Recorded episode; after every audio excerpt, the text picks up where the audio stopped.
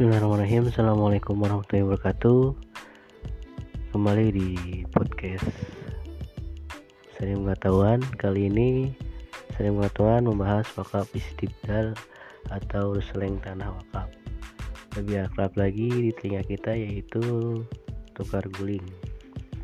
Tanah wakaf Istibdal dalam fikih wakaf di antara diartikan sebagai penjualan harta benda wakaf untuk dibelikan harta benda lainnya sebagai penggantian baik harta benda bergantian itu sama dengan harta benda wakaf yang dijual ataupun berbeda ada yang mengartikan bahwa istibdal adalah mengeluarkan suatu benda-benda dari status wakaf dan mengartikannya dengan benda-benda lain. Adapun ibdal artinya adalah pergantian harta benda wakaf dengan harta benda wakaf lainnya. Ada juga pendapat yang mengartikan sama antara ibdal dan istibdal karena bahasa kedua memiliki arti yang sama yaitu menjadikan suatu sebagai pengganti suatu yang lain. Permasalahan istibdal dibahas ulama fikih. Empat mazhab sebagian ulama membolehkan, sebagian lagi tidak membolehkan istibdal karena syarat-syarat tertentu. Kemudian mazhab Hanafi istibdal menurut mazhab Hanafi harta benda wakaf kecuali masjid dibolehkan selama membawa kemaslahatan. Ulama Malikiyah membedakan hukum istibdal benda wakaf bergerak, harta benda wakaf tidak bergerak dan harta benda wakaf berupa masjid khusus masjid. Mereka bersepakat bahwa istibdal masjid mutlak dilarang untuk harta benda wakaf bergerak, bergerak. Mayoritas ulama Malikiyah memperbolehkan dilakukan istibdal dengan pertimbangan masyarakat ke, pertimbangan kemaslahatan.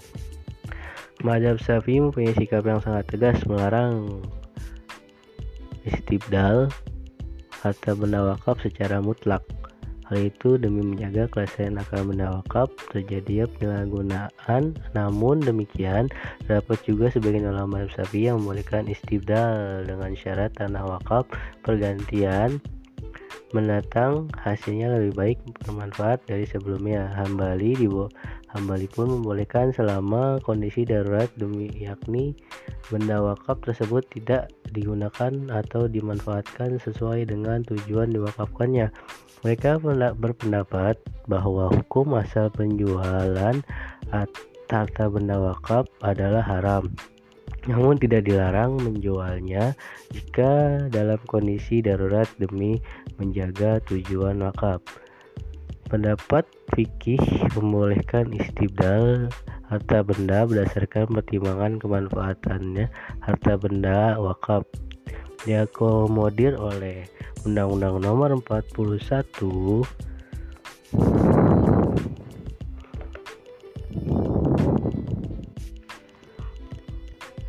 membolehkan istibdal oleh Undang-Undang Nomor 41 Tahun 2004 demi menjaga manfaat harta benda wakaf. Hanya saja kebolehan penukaran harta benda wakaf dalam Undang-Undang Nomor 41 diberi batasan yaitu apabila digunakan untuk kepentingan umum sesuai dengan rencana umum tata ruangan berdasarkan ketentuan peraturan perundang-undangan yang berlaku dan tidak bertentangan dengan syariah serta memperoleh izin tertulis dari Menteri Agama atas persetujuan Badan Wakaf Indonesia. Kemudian Undang-Undang Nomor 42 tahun 2006 dan prosedur Rusleng yang dimuat di dalam laman resmi Direktorat Jenderal Bimas Islam Kemenak Disebutkan bahwa proses Rusleng setidaknya melewati tujuh tahap sebelum keluar izin Menteri Agama. Tahapan itu ialah KUA, Kantor Kementerian Agama Kabupaten atau Kota, tiga tim penilai yang terdiri atas unsur Pemkot, Pemkap, MUI Kabupaten atau Kota, BPN Kabupaten atau Kota, dan Nazir.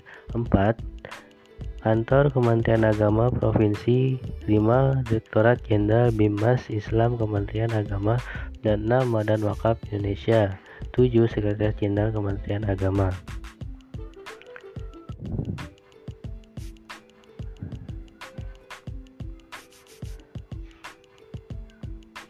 Masalah wakaf ini memang sejak dulu merupakan masalah yang banyak mengundang kontroversi di antara para ulama. Mulai dari kedudukan substansial, hukum, macamnya, dan barang yang boleh diwakafkan, cara pengelolaan, peruntukannya, dan lain sebagainya. Perwakafan memang sangat dinamis. Setiap waktu bisa terjadi berubah perubahan persepsi penafsiran sejalan dengan dinamika sosial serta perubahan dimensi waktu dan tempat.